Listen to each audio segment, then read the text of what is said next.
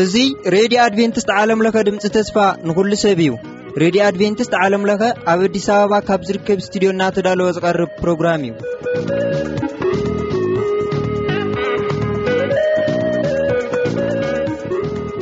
ኣብ ርሑቕን ቀረባን መደባትና ንምድማፅ ኣብ መስመርና ትርከቡ ተኸታተልቲ መደብና ብቐዳምነት ዝዓዘዘ መንፈሳዊ ሰላምታ ኣብ ዘለኹምዎ ይብፃሕኩም ንብል ካብዚ ካብ ስቱድዮና ብምቕፃል ንሎሚ ዝህልወና መደብ መደብ ክፍለጥ ዘለዎ እዩ ምሳና ፅንሑ ሰናይ ምክትታል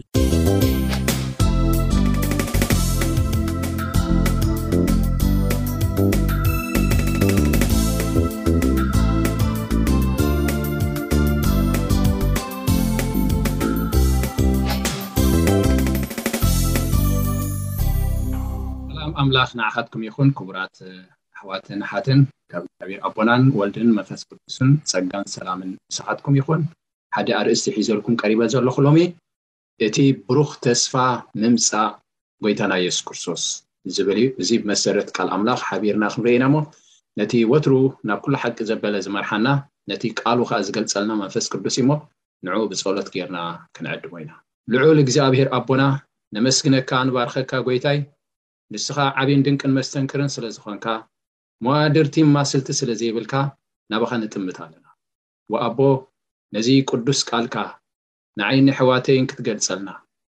እዚ ንዓለም ምስጢር ኮይንዋ ዘሎ ቃልካ ክተብርሆ እሞ ንዓኻ ከኣ ክብሪ ክንከውን ንብዙሓት ንምስክር ክንከውን ንምጽኣትካ ከኣ ክንዳሎ እግዚኣብሄር ምግላጽካ ክትሰደልና ንልምነካ ኣለና ንዓ ንስኻ ምሳና ኩን ንዝሰምዑ ኩሎም እዚ በረኸትካ እዚ ስደደሎም ብስም ወድኻ የሱስ ክርስቶስ ኣሜን።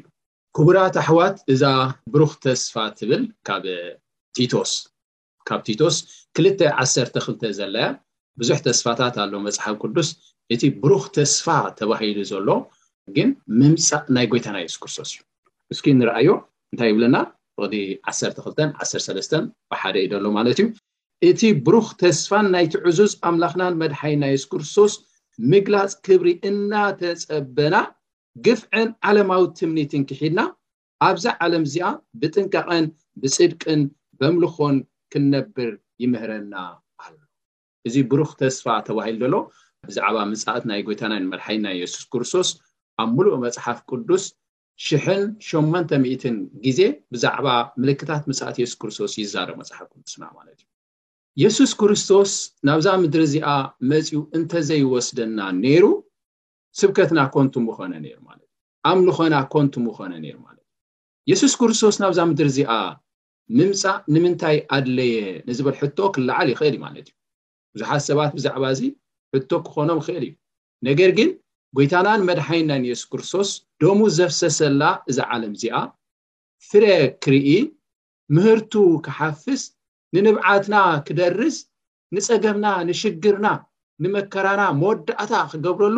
ሓደ መዓልቲ ጎይታና የሱስ ክርስቶስ ናብዛ ምድሪ እዚኣ መጽእ እዚ እቲ ዝዓበየ ተስፋይን ተስፋኹምን ኣሕዋት ሎሚ ኣብ ዓለም እዚ ብሩኽ ተስፋ ተባሂሉ ዘሎ ሰይጣን ክስበኽ ኣይደልን ከመይ እዚ እንተ ተሰቢኹ ሰባት ማእታን ክዳለዉ እዚ እንተ ተሰቢኹም ሰባት ናብ ንስሓን ኑዛዜን ክመፁ እዮም ማለት እዩ ፍርዲ ከም ዘሎ ሰባት እንተ ፈሊጦም ንምምፃእ የሱስ ክርስቶስ እውን ክዳሉ እዩ ስለዚ ቃል እግዚኣብሄር እንታይ እዩ ዝብለና ዘሎ ኣነ ንስኹም እንታይ ኢና ንፅበ ዘለና ክርስቶስ ከ እንታይ እዩ ዝፅበ ዘሎ ንሕና ክንዳሎ ንሕና እውን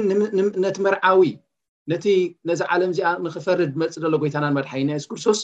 ብንፁህ ልቢ ካብ ዓለማዊ ትምኒት ክሒድና ብጥንቃቐ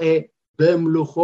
ክንጸንሕ ከም ዝግባኣና መጽሓፍ ቅዱስ ይነግረና። ብዙሓት ነቢያት ብዛዕባ ምምጻእ የሱስ ክርስቶስ ተዛሪቦም እዮም።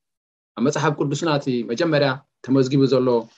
ሄኖክ እቲ ሰብዓይ ወለዶ ካብ ኣዳም ንሱ ብዛዕባ ምምጻእ የሱስ ክርስቶስ ተነቢዩን ሰቢኹን ማለት እዩ።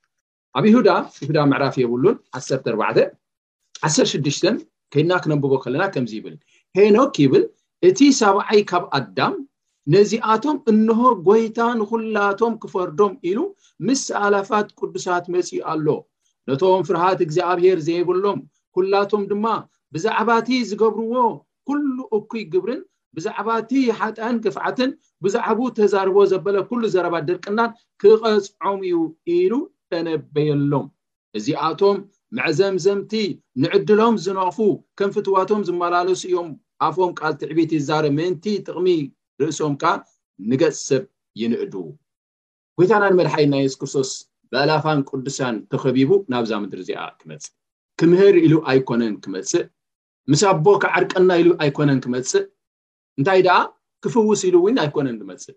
ክፈርድ ኢሉ ዝመጽእ ክፈርድ ናይ ቀውዒ ግዜ ስለ ዝኾነ ማለት እዩ ስለዚ ንመን ነቶም ዝፈርዶም ተዳልና ነቶም መዕዘምዘምቲ ንዕድሎም ዝነቕፉ ፈተውቲ ርእሶም ተዓበይቲ ነዚኣቶም ክቐፅዖም ኢሉ ከም ዝመፅእ እቲ ሻብዓይ ወለዶ ካብ ኣዳም ሄኖክ ንሱ ተነቢ ማለት ተዛሪቡ ከመይ ንሕና ኣብዚ መወዳእታ ዘመን እዚ ነዚ ደይንሰብኮ ከመይ ክንሰብኮ ዝግባኣና ቀዳማይ ነገር ብዛዕባ ምፅኣት ናይ የሱስ ክርስቶስ ዶ ኣይኮነን ሎሚ ኣሕዋት ኣብ ዓለም ዝስበኽ ዘሎ እንታይ እዩ እንተደኣ ኢልኩም ፍወሳ ተኣምራት ኣሎና ክትሳገር ኢኻ ክትዕወት ኢኻ እዚ ድዩ ሕጂ ክስበኽ ዝግብኦ ፍርዲ ይመጽእ ኣሎ እታ ዝፈርደላ ግዜ በፂሓ ሞ ንኣምላኽ ፍርህዎ ክብሪ እውን ሃብዎ ነቲ ሰማይን ምድርን ባሕርን ዓይኒ ማያትን ዝገበረ ስገዱሉ ዝብል ኣብ ራእይ ዮሃንስ 14 ንሱ እዩ ሕጂ ኣብዚ ግዜና እዚ ክስበኽ ዝግብኦ ህዝቢ ክዳሎ ኣሎ ፍርዲ ይመጽእ ኣሎ ናይ መወዳእታ ውሳኔ ናይ ወዲ ሰብ ዝውሰነሉ ግዜን ሰዓትን ቀሪቡ ኣሎ ማለት እዩ። ነፍሲ ወከፍ ማለት እዩ። ኣብ ራእይ ዮሃንስ ዕስራን ክልተን ዓሰርተ ክልተ ኴንና ከነንብብ ከለና ከምዚ ይብለና ኣሕዋት። እንሆ ቀልጢፈ እመጽእ ኣለኹ፣ ንነፍሲ ወከፍ ከከም ግብሩ ክፈድዮ ከኣ ዓስበይ ምሳይ እዩ። ናይ ነፍሲ ወከፍ ዕድሉ ዝውስነሉ ኣብ ቅድሜና ተቐጂሉ ኣሎ ማለት እዩ። ናይ መወዳእታ ሓንሳብን ንሓዋሩን ዕድልና ዝውስነሉ ግዜ እናተቓረበ እዩ ዝኸይድ ዘሎ ሕጂ ናይ ምሕረት ግዜ ኢና ዘለና ኣሕዋት ሕጂ ናይ ንስሓ ግዜ ኢና ዘለና ክንምለስ እንኽእለሉ ዕድል ኣምላኽ ፈጢሩልና ኣሎ ማለት እዩ ኣብቲ ፍርዲ ከይንኣቱ ግን ክንጥንቀቕ ይግባኣና ዮሃንስ ጥራሕ ኣይኮነን ከምኡ ኢሉ ኣብ ወንጌል ማቴዎስ ኣብ ወንጌል ማቴዎስ ዓሰርተ ሽዱሽተ ኴንና ከነብብ ከለና ኸ ኣብኣኻ ንነፍሲ ወከፍ ክፈርዶም እዩ ዝብል ከ ኣለዉ ንነፍሲ ወከፍ ጎይታናን መድሓይና የሱስ ክርስቶስ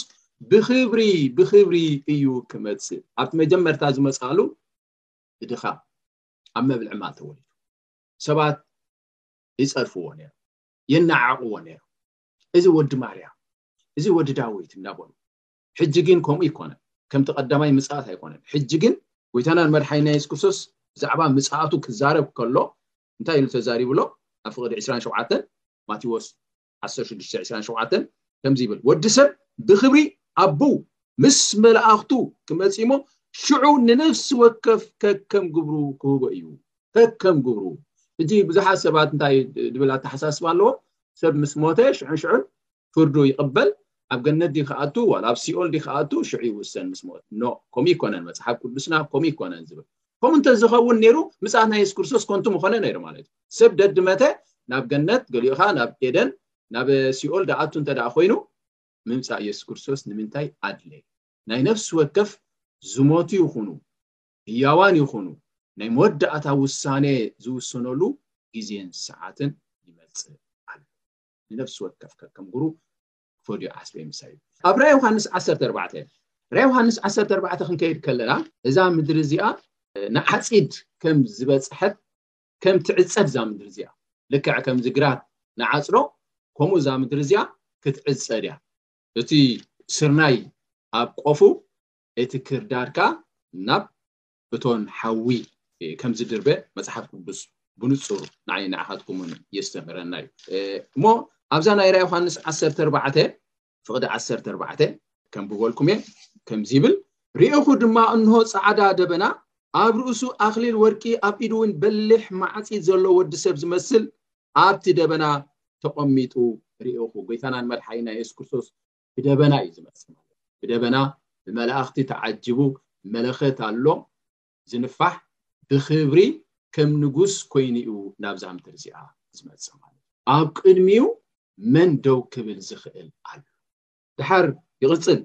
ካልእ መልኣኽ ድማ ካብ መቕደስ መፅኡ ነቲ ኣብ ደበና ተቐሚጡ ዘሎ ግዜ ዓፂድ ኣትዩ ፍረ ምድሪ እውን በፂሑ እዩ እሞ ንማዕፂድካ ስደድ ዕጸዳ እውን ኢሉ ዓው ብዝበለ ድምጺ ጸውዐ። እቲ ኣብ ደበና እተቐመጠ ኸኣ ማዕጺዱ ናብ ምድሪ ኣውረደ። ብምልእታ እዛ ምድሪ እውን ተዓጽደ። ክቡራት ኣሕዋት፣ ሎሚ ኣነን ንስኹምን ግዜና ኣብ ከንቱ እነጥፍኣሉ ኣይኮነን። መጽሓፍ ቅዱስ ምድሪ ከም ትዕጸድ ይነግረና ኣሎ ማለት እዩ። ክርስቶስ ብደበና ብኽብሪ ክመጽእ ከሎ ምድሪ ከም ትዕጸድ ምድሪ ክትዕጸድ ከለኻ ኣብ ክልተ እያ ክትክፈል ማለት እዩ ኣብ ክልተ እያ ክትክፈል እዛ ምድሪ እዚኣ ማለት እዩ ሰባት ኣብ ክልተ እዮም ክኽፈሉ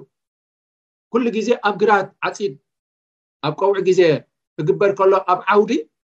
ክልተ ነገራት ኢኻ ትረክብ ማለት እዩ ክርዳድ ኣሎ ከምኡ ኸ ስርናይ ኣሎ ክልተ ነገራት ኢኻ ትረክብ ማለት እዩ ከምኡ ዮሃንስ መጥመቕ ኣብ ማቴዎስ ምዕራፍ ሰለስተ ዝተዛረቦ ቃል ኣሎ እሱ ከዓ እንታይ እዩ ዓውዲ ዘፅርየሉ መስዐ ኣብ ኢዱ ኣለዎ እዩ በሎ ኣብ ማቴዎስ ሰለስተ ፍቅዲ ዓሰርተ ክልተ ዓውዲ ዘፅርየሉ መሰ ኣብ ኢዱ ኣለዎ ስርናዩ ኣብ ቆፉ ይእክብ ነቲ ሓሰር ግና ብዘይጠፍእ ሓዊ ከንድዶ እዩ የሱስ ክርስቶስ ክመፅእ ከሎ እዚ ክኸውን እዩ ማለት ምድሪ ክትዕፀድ እያ ማለት ናብ ሰማይ ዝውሰድ ይውሰድ ኣብዚ ድተርፍ ከኣ ይተርፍ። ኣብ ማቴዎስ ዓሰርተ ሰለስተ እዚ ናይ መወዳእታ ምስቲ ናይ ቀውዒ የተሓሓዞ እዩ እዚ ናይ ምጽኣት ናይ ጐይታናን መድሓኒና የሱስ ክርስቶስ እሱ ከኣ ዓጻዶ ከም ዘለዉ እዛ ምድሪ እዚኣ ከም ትዕጸድ እቶም ስርናይ ከኣ ናብ ቆፍኡ እቲ ክርዳድ ግን ብሓዊ ከም ዝቃጸል ይነግረና። እስኪ ንርኣዮ ማቴዎስ ዓሰርተ ሰለስተ ሰላሳን ሸውዓተን ከንብበልኩም እየ ከምዚ ይብል መሊሱ በሎም እቲ ጽቡቅ ዘርኢ ዝዘርእ ወዲ ሰብ እዩ እታ ግራት ከኣ ዓለም እያ እቲ ጽቡቅ ዘርኢ ድማ ደቂ መንግስቲ እዮም እቲ ክርዳድ ግና ደቂ እቲ ክፉእ እዮም እቲ ዝዘርኦም ጸላኢኻ ድያብሎስ እዩ፣ እቲ ቀውዒ ድማ መወዳእታ ዓለም እዩ። እቶም ዓጻዱኻ መላእኽቲ እዮም። ክርዳድ ተኣኪቡ ብሓዊ ከም ዝነድድ፣ መወዳእታ ዓለም ከኣ ከምኡ ክኸውን እዩ። ወዲ ሰብ መላእኽቱ ክልእኽ እዩ፣ ንሳቶም ከኣ መዐንቀፍትን ዓመጽትን ንዘበሉ ኵሎም ካብ መንግስቲ ክእክቦም ኣብ እቶን ሓዊ ከኣ ክድርብዮም ኣየኖት ከም ዝፍረዱ ክገርመኩም ኣሕዋት እቶም ናብ እቶን ሓዊ ዝኣትዉ ክርዳድ ኢልዎም ደሎ መን ድዘርኦም ዲያብሎስ ድዘርኦም ዲያብሎስ ዝዘርኦም እቲ ክፉእ ድዘርኦም ንሳቶም መዕንቀፍትን ዓመፅትን መፍረስቲ ሕግን እዚኣቶም ብዘለዉ ናብቲ እቶን ሓዊ ክኣትዉ እቲ ፅቡቕ ዘርኢ እቲ ፅቡቕ ዘርኢ ግና ናብ ቆፍኡ ከም ዝኣቱ ንዘለኣለም ከም ዝነብር ከም ዘይጠፍእ መጽሓፍ ቅዱስ ይነግረና ምጽኣት ጎይታናን መድሓኒና የሱስ ክርስቶስ ናይ ህይወተይን ህይወትኩምን ወሳንነት ኣለዎ ወሳንነት ኣለዎ ኣብ ማቴዎስ 25 እተን ዓሰርተ ደናግል ንመርዓዊ ይፅበያ ነይረን ሎሚ ቤተ ክርስትያን እንታይ ክትፅበ ኣለዋ እንተ ኢልኩም ምፅኣት ናይ ክርስቶስ እያ ክትፅበ ንሕና ተፀበይቲ ክርስቶስ ተባሂልና ክንፅዋዕ እዩ እቲ ዘሎና ማለት እዩ ምክንያቱ እቲ ቀንዲ ቀንዲ ብሩክ ተስፋ ተባሂሉ ዘሎ ናይ ምጽኣት ናይ ጎይታናን መድሓይና የሱስ ክርስቶስ ብዛዕባ መጻኢ ህይወትና እንታይ እንታይ ከም ዝኸውን ኣቐዲሙ እግዚኣብሄር ፍርዲ ከም ዘሎ ነጊርና ስለ ዘሎ እዛ ቤተ ክርስትያን እዚኣ እንታይ ክትፅበ ኣለዋ እንተ ኢልኩም ምፅኣት የሱስ ሓደ ሰብ እንታይ ትፅበ ኣለካ እንተ ኢልካ እንታይ ኢልካ ክትምልሶ ኣለካ ጎይታ የሱስ መፅኡ ናብ ሰማይ ክወስደኒ እሱ እቲ ትፅቢትና ሃረርታና ማለት ምክንያቱ ንሱ ከይመፀ ንብዓት ኣብዚ ምድሪ እዚ ደው ኣይብልን። ንሱ ከይመፀ ሕማም ደው ኣይብልን እዩ። ንሱ ከይመፀ ስደት፣ መከራ፣ ኩናት፣ ዓመፃ ኣይውዳእን እዩ ኣይውዳእን እዩ። ንሱ ምስ መፀ ጥራሕ እዩ ናይ ኩሉ መከራና ሽግርና ኣርባዕተ ነጥቢ ዝገብረሉ ማለት እዩ። መወዳእታ ዝረኽበሉ ናተይ ናትኩምን ክርስቶስ ክመፅእ ከሎ ማለት እዩ። ንሱ ጥራሕ እዩ ካብዚ ዓመጻን ሽግርን ናይዛ መከራ እዚኣ ከጋላግላ ድኽእል ዳ እምበር ናይዚ ዓለም እዚኣ መፍትሒ ዋላ ሓደ የለን ሳይነስ ድዩ ዋላ ተተኣከቡ ድዮም እዞም ፈላጣት ናይ ዓለም ነገስታት ዋላ እንተተኣከቡ ነዛ ዓለም እዚኣ ደሓን ከምፁላ ስለዚ ቤተ ክርስትያን እንታይ ክትፅበ ኣለዋ እንተ ኢልና ምፅኣት ናይ ጎይታና የሱስ ክርስቶስ ክትፅበ ኣለዋ ንዑ ከዓ ክትሰብኮ ኣላካ ንዑ ከዓ ክትነግረሉ ኣለዋ የሱስ ክመፅእ ኢላ ክትሰብኽ ኣለዋ ፍርዲ ይመጽእ ኣሎ ኢላ ክትሰብኽ ኣለዋ ቤተ ክርስትያን ምክንያቱ እቲ እምነትና ንሱ እንታይ ስብከትና እዩ እቲ እናኣምኖ ንሱ እዩ ናተይ ናትኩምን ስብከት እሞ ማቴዎስ 25 ሽዑ መንግስተ ሰማያት ቀንዴለን ሒዘን መርዓዊ ክቕበላ ዝወፃ ዓሰርተ ደናግል ትመስል ማቴዎስ 25 ፍቕዲ ሓደ ካባታተን ከዓ እተን ሓሙሽተ ዓያሱ እተን ሓሙሽተ ግና ለባማት እየን እተን ዓያሱ ቀቀንዴለን ወሲደን ዘይቲ ኣይተማልኣን፣ እተ ለምባማት ግና መምስ ቀንደሌን ዘይቲ ኣጥኔኤን ተማልኣ። እዘን ንጹሃት ብደም የሱስ ክርስቶስ ንጹሃት ዝኾና ዓሰርተ ደናግል ምጽኣት ጎይታና የሱስ ክርስቶስ ይጽበያ ነይረን። ዓሰርተኤን ቀንዴል ነይርዎን እዩ፣ መጽሓፍ ቅዱስ ነይርዎን እዩ፣ ይበርህ ነይሩ እዩ፣ ተገሊጽለን እዩ። ነገር ግን ኣብ መንጎ ክልቲኤን ዝተፈላለየ ነገር እንታይ እዩ? ዘይቲ ኣብጥንኤን ኣይነበረንን መንፈስ ቅዱስ ኣይተመልኣን ንማልባሽ ኣብቲ ክርስትና ህይወተን ሸለልትነት ነይርዎን ማለት እዩ ብዙሓት ክርስትያናት ሸለልትነት ኣለዎም ኣብዚ ዘለና ብፍላይ ኣብቲ ናይ መንፈሳውነት ሸለልትነት ኣለዎም ኣብቲ ናይ ስጋውነት ግን ኣብቲ ናይ ዓለም ነገር ግን ብጣዕሚ ትጉሃት ትጉሃት ማለት ስለዚ ዘን ሓሙሽተ ዓያሽ ኢልዎን ዘሎ ኣብ ጥንኤን ዘይቲ ኣይተማል መርዓዊ ደንግዩ ደቂሰን ጭራሕ ምራሕ ኮይኑ ተንስኣ መርዓዊ መጺኡ ምስ ተባህላ ቀንዴለን ክጠፍእ ደልዩ ካበይ ክውስኻሉ ዘይቲ የብለንን ዘይቲ ሃባና ኢለንን ንዓናን ንዓኽን ደይኣክል እንተኾነ ክኢልዎ ኪዳ ዓድጋ ምስ በላ ማዕፆ ተዓፅዩ ማዕፆ ናይ ምሕረት ይዕፆ እሱ ከይኣተወ ከሎ እቲ ናይ ማዕፆ ምሕረት ከይተዓፀወ ከሎ ኢና ኣነ ንስኹምን ክንዳሎ ዝግባኣና ኣብ ጢነና ዘይቲ መንፈስ ቅዱስ ክንምላእ ይግባኣና መዓልታዊ መዓልታዊ መንፈስ ቅዱስ ክንምላእ ይግባኣና ኣሕዋት ነቲ ዝመፅእ ዘሎ ግዜ ከሳግረና ዝኽእል መዓልታዊ መንፈስ ቅዱስ ክንምላ ይግባና ስለዚ እንታይ እዩ ናታተን ሽግር ናይተን ሓሙሽተ ዓያሹ ሽግረን ፀገመን እንታይ እዩ እንተዳ ኢልኩም መፅሓፍ ቅዱስ ብንፁር ኣብኡ ኣብሪህልና ኣሎ ማለት እዩ ቁጥሪ ዓሰርተ ዕስራን ሓሙሽተን ማቴዎስ ቁጥሪ ዓሰርተ ክዕድጋ ምስ ከዳ እቲ መርዓዊ መፀ እተን ተዳልየን ዝፀንሓ ምስኡ ናብ መርዓ ኣተዋ ማዕፆ ድማ ተዓፀ እተን ዝተዳለዋ ጥራሕ እተን ዝተዳለዋ ጥራሕ እዚኣተን ብዛዕባ ምምፃእ የሱስ ክርስቶስ ፅቡቅ ዝኮነ ርድኢት ነይርዎን እዩ ፍርዲ ይመፅእ ከም ዘሎ ፅቡቅ ርድኢት ነይርዎን እዩ ወሳኒ ናይ ህይወተን ምዃኑ ተረድኤን ግዜ ወሲደን ኣብ ኣምላኽን እናተጸግዓ እናተናስሓ መንፈስ ቅዱስ ክምልኣዊን እንዳጸለያ ዝጽበያ ዝነበራ እየን። ኣነ ንስኹምን ከምዚኣተን ከምዘን ለባማት ደናግል ክንከውን ይግባኣና። እተን ሓሙሽተ ዓያሹ ግን ሸለልትነት ሸለልትነት ልክዕ ከምቲ ኣብ ምሳሌ ምዕራፍ ሓደ ኣብኡ ነቶም ዓያሹን ደናቁርትን ኢልዎም ኣሎ እቲ ሸለል ምባሎም ከጥፍዎም ኣሕዋት ኣብ ክርስትና ህይወትና ሸለል ኣይንበል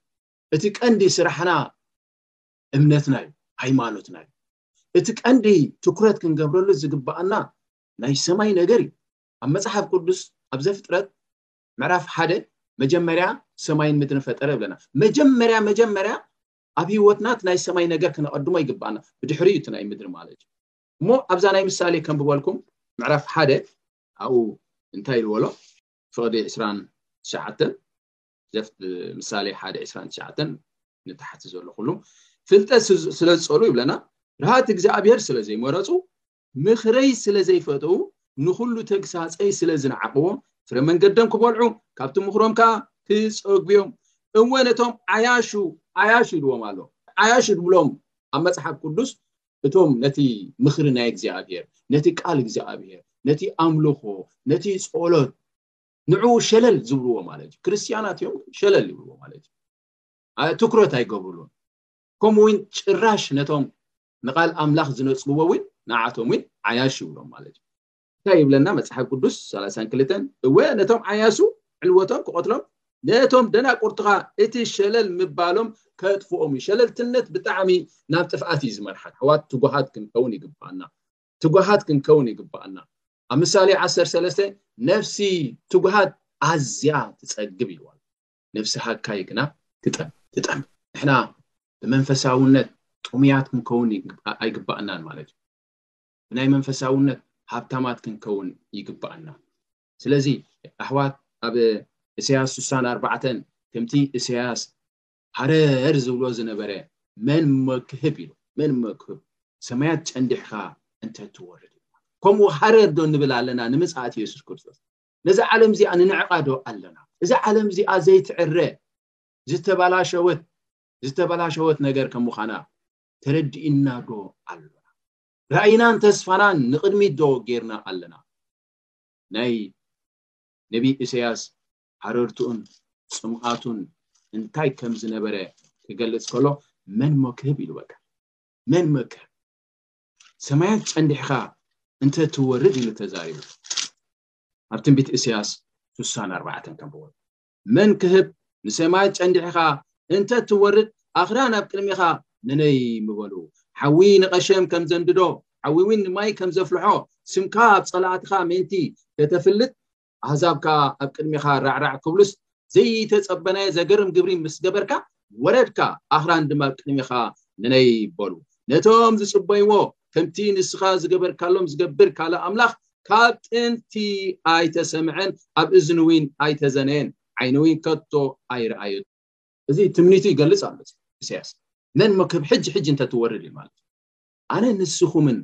ካብ ነቢይ እሰያስ ንላዕሊ ምኽንያቱ እቲ ጥርዚ ናይ መወዳእታ ዘመን ኢና ዘለና ካብኡ ንላዕሊ ጎይታ ሕጂ እንተ ትመጽእ ጎይታ ተዳልየ ኣለኹ ማራናታ ማራናታ ክንብል ይግባኣና እንተ ደኣ ተዳሊና ማለት እንተዘይ ተዳሊና ኸ ንዳሎ ሕጂ ነቶም ዝተዳለዉ የሱስ ክርስቶስ ክወስድ መዓልቲ ቆሪጹ ኣሎ መዓስ እያ እታ መዓልቲ ኣይንፈልጣን ስለዘይንፈልጣ ኢና ከ ክንዳሎ ይግባኣና ንብል ዘለና ማለት እዩ እንተ ንፈልጣ እኮ ድሓን ሓደ ዓመት ተሪፉ ኣሎ ክልተ ዓመት ተሪፉ ኣሎ ኢልካ ሳይ ክተብል ትኽእል እያ ግን ኩሉ ግዜ መፅሓፍ ቅዱስ ንዓይ ንዓኻትኩምን እንታይ እዩ ዝብለና ክንዳሎ ክንፅበዮ ድሓር ነቢ ኢሳያስ ክገልፅ ከሎ እንታይ ኢልና ኣሎ መሲልኩም ነቶም ዝፅበይዎ ከምቲ ንስኻ ከምቲ ንስኻ ዝገበርካሎም ዝገብር ካልእ ኣምላኽ ካብ ጥንቲ ኣይተሰምዐን። ብሓቂ እግዚኣብሄር ኣምላኽ ነቶም ዝጽበይዎ ድንቅን ድንቅን ድንቅን መስተንክርን ነገራት ክገብረሎም እዩ። ከሐጉሶም እዩ፣ ባህ ከብሎም እዩ። እሞ ኣሕዋት ንምጽኣት የሱስ ክርስቶስ ኣነ ንስኹም ክንዳሎ ይግባና። ከምኡ እውን ኣብ ትንቢት ኢሳያስ ዕስራን ሓሙሽተን ወዲ ትሽዓተ ከይድና ከነንብብ ከለና እቲ ተጸበናይ ኣምላኽ እዚ እዩ። ይብል ማለት እዩ እቲ ተፀበናዮ ኣምላክ ከምቲ ሓንቲ ወይ ዝበልኩም ንሕና እንታይ ንፅበ ኣለና የሱስ ክርስቶስ መፅኡ ክወስደና እዚኣ እታ ቴንሽን ናተይ ናትኩምን ዕላማ ሸቶ እዚኣ የሱስ ክርስቶስ መፅኡ ክወስደና እያ እታ ናተይ ናትኩምን ዕላማ ናይ ነቢያት እውን ንሱ እዩ ኩሎም ሃዋርያት እውን ንሱ ዕላማኦም ነይሩ ናተይ ናትኩምን ዕላማኻ ልክዕ ምስቲ ናይ ሃዋርያት ምስኡ ማች ክገብር ኣለዎ ምስኡ ክሰማማዕ ኣለዎ ማለት እዩ ዕስራን ሓሙሽተን ፍቅዲ ትሽዓተ ከም ዝበልኩም እየ በታ መዓልቲ እቲኣ ይብለና ማለት እዩ እንሆ ኣምላኽና እዚ እዩ ንመን እዮም ከም ዝብለሎ ንየሱስ ክርስቶስ የሱስ ክርስቶስ ኣምላኽ የሕዋት የሱስ ክርስቶስ ፍፁም ኣምላኽን ፍፁም ሰብ እዩ እቶም ንየሱስ ክርስቶስ ዝፅበይዎ ንሳቶም የሱስ ኣምላኽ ምዃኑ እዮም ዝኣምኑ ማለት እዩ እዛ ቃል እዚኣ ሽዑ ክትፍፀም እያ የሱስ ክርስቶስ ብሰማያት ክመጽእ ከሎ ብደበና ተዓጅቡ ብመላእኽቲ ተዓጅቡ ክመጽእ ከሎ እንታይ ኢና ንብል ኢድና ናብኡ እንዳመልከትና እንሆ እቲ ተጸበናዮ እዚ ተጸቢናዮ ከድሕነናኻ እዩ እቲ ተጸበናዮ እግዚኣብሔር እዚ እዩ ብምድሓኑ ንተሓጎስ ባህ ዊን ይበለና ክበሃል እዩ እቶም ሸለልትነት ዝነበሮም ኣብቲ ግዜ እቲ ግን ናብኤም ክሃድሙ ናብ በዓትታት ናብ ትሕቲ ቢንቶ ናብ ዝተፈላለየ መኸወሊ ነገር ናብኡ ክሃድሙ እዮም ንዓቶም ኢና ንሕና ሕጂ ራይዎ ራይዎ እቲ ተጸበናይ ኣምላኽ እዚ ኣምላኽ ኢና ንብሎ ንየሱስ ሎሚ ኣብ ዘለናዮ ግዜ ኣሕዋት ኣይትስሓቱ ብዙሓት ሰባት የሱስ ኣምላኽ ኣይኮነን ናይ መጀመርያ ፍጡር እዩ ውላድ ናይ እግዚኣብሄር ኣቦ እዩ ዝብል ትምህርታት ናይ ሰይጣን ናይ ሰይጣን ትምህርቲ ኣሎ ካብኡ ክንሕሎ ይግባኣና ኣሕዋት ንምጽኣት የሱስ ክርስቶስ ምጽባይ ከመይ ሰናይ ይመስልኩም እዚ ብሩኽ ተስፋ እዚ ንዓይ ንዓኻትኩምን ተዋሂቡ እሞኻ ሽሕን ሸሞንተ ሚእትን ዝኣክል ብዛዕባ ምጽኣት የሱስ ክርስቶስ ኣብ መጽሓፍ ቅዱስ ካብ ተገልጸ ሕጂ ንሕና ነዚ ናይ ምጽኣት የሱስ ክርስቶስ ክንሰብኮን ከምኡ እውን ተስፋ ክንገብሮን ይግባኣና ስለ ዝነበረና ሰዓትን ግዜን ንእግዚኣብሔር ከነመስግኖ ኢና ቅዱስ እግዚኣብሔር ኣቦ ምስጋና ክብሪ ኩሉ ንዓኻ እዩ እዚ ብሩኽ ተስፋ እዚ ንዓይኒ ኣሕዋተይን ስለ ዝሃብ ኣብዚ መወዳእታ ዘመን እዚ ጎይታየ ንምጽኣትካ ከመይ ክንዳሎ ከም ዝግብኣና ሂወትና ከነዳሉ ብንስሓ ብኑዛዜ ካብ ዓመጻን ካብ ግፍዒ ዓለማዊ ትምኒትን ክሒድና ኣብዛ ዓለም እዚኣ ብጥንቃቐ ክንመላለስ ከም ዝግብኣና ቃልካ ይነግረና እግዚኣብሔር ንልበይን ልበ ኣሕዋተይን ይስኻ ከምተን ሓሙሽተ ለባማት ድልዋት ዝነበራ እሞ ናብቲ መርዓ ክኣትዋ ዘፍቅድ ከምኡ ዓይነት ህይወት ክህልወና እግዚኣብሔር ስለ ዝነበረና ሰዓት ተመስገን ስለቲ ቅዱስ ቃልካ ዝሃብካና ተመስገንካ ስለ ስም ጎይታናን መድሓኒናን የሱስ ክርስቶስ እቲ ካብ ወይኒ ዝጥዕም ፍቕርኻ